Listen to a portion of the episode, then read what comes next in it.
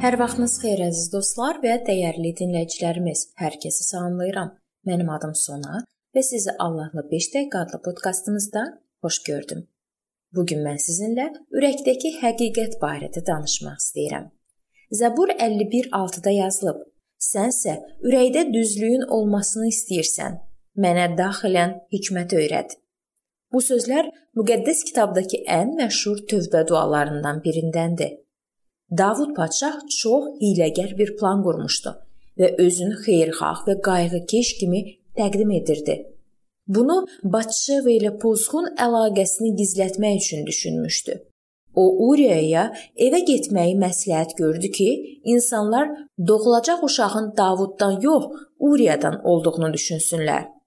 Lakin Uriya dərrakəli və xeyirxah adam idi Onun silahdaşları döyüşlərdə qan tökdüyü bir vaxtda məzuniyyətə getməkdən imtina etdi.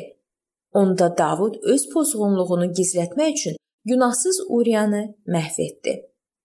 Davudun gözünü günah elə örtmüşdü ki, Natan peyğəmbərin tərbiyəvi və dərin mənalı söhbəti belə onu ayıltmadı. Buna görə də peyğəmbər birbaşa olaraq belə dedi: "O adam sənsən." Yalnız bundan sonra özünü Allahın gözü ilə görə bildi və öz günahını etiraf etdi.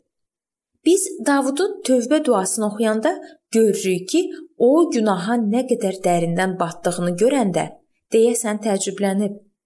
İndi isə o ürəyinə doğru uzanan və ona azadlıq verən həqiqətlə dolmaq istəyirdi.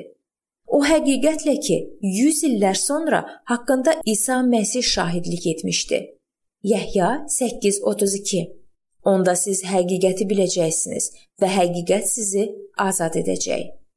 ABŞ Konqresi tərəfindən 1776-cı il iyulun 4-də qəbul edilmiş İstiqlal bəyannaməsində deyilir: Biz açıq-aşkar belə bir həqiqətdən çıxış edirik ki, bütün insanlar bərabər yaradılmışdı və onların yaradanı tərəfindən həyat, azadlıq və xoşbəxtliyə can atmaq kimi ayrılmaz hüquqlar verilmişdi. Allahın bütün insanları bərabər yaratdığı həqiqəti onlara aydın idi və İngiltərə kralının onların hüquqlarını necə pozduğunu görmək onlar üçün çətin değildi. Amma Konqresin İstiqlal bəyannaməsini qəbul edən bəzi üzvləri özləri quldar idilər və onlara bütün insanların, o cümlədən özlərinə məxsus qulların bərabərliyi və azad olmaları barədə həqiqəti qəbul etmək çətin idi. Bu gün də vəziyyət eyni olaraq qalır. Əgər hər hansı həqiqət bizim üçün maddi maraq kəsb edirsə, o bizə gün kimi aydın gəlir. Amma həqiqət bizdən qurban tələb edirsə, belə bir həqiqət artıq bizim üçün aydın görünmür. Yalanın müxtəlif təzahürləri var. Biz doğru barədə danışa, amma bəzi həqiqətləri səsləndirməyə və beləliklə qeyri-səmimi ola bilərik. Məsələn, biz kimsənin çatışmazlığını və hər hansı münaqişədəki günahını müzakirə edə bilərik. Amma bu zaman digər tərəfin günahına və çatışmazlığına göz yuma bilərik.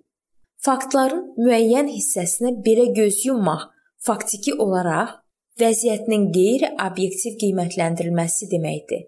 Xüsusən də biz məhz özümüzün çatışmazlıqlarımızı və günahlarımızı unutmağa meyllik. Belə şər işlər biz ikili standartlardan tətbiq edəndə meydana gəlir. Kiməsə qarşı bir tələb irəli sürür, digərinə qarşı isə tamam başqa bir tələb. Onda belə çıxır ki, bir tərəf ona qarşı yüksək tələblər irəli sürmədiyimiz üçün yaxşı və qəbul edilə bilən hərəkətlər edir. Digər tərəf isə həddən artıq yüksək tələblər üzündən bizim üçün yaxşı biri sayılmır. Romalılara 2:21-də yazılıb: Bəs nə üçün başqalarını öyrətdiyin halda özün öyrənmirsən? Oğurlamamağı bəyan edərkən özün oğurlayırsan. Biz öyrənməli və özümüzü də başqalarına qarşı tətbiq etdiyimiz həqiqət ölçüləri ilə qiymətləndirməliyik. Bu mövzunun davamını növbəti görüşümüzdə araşdırmağa davam eləyəcəyik.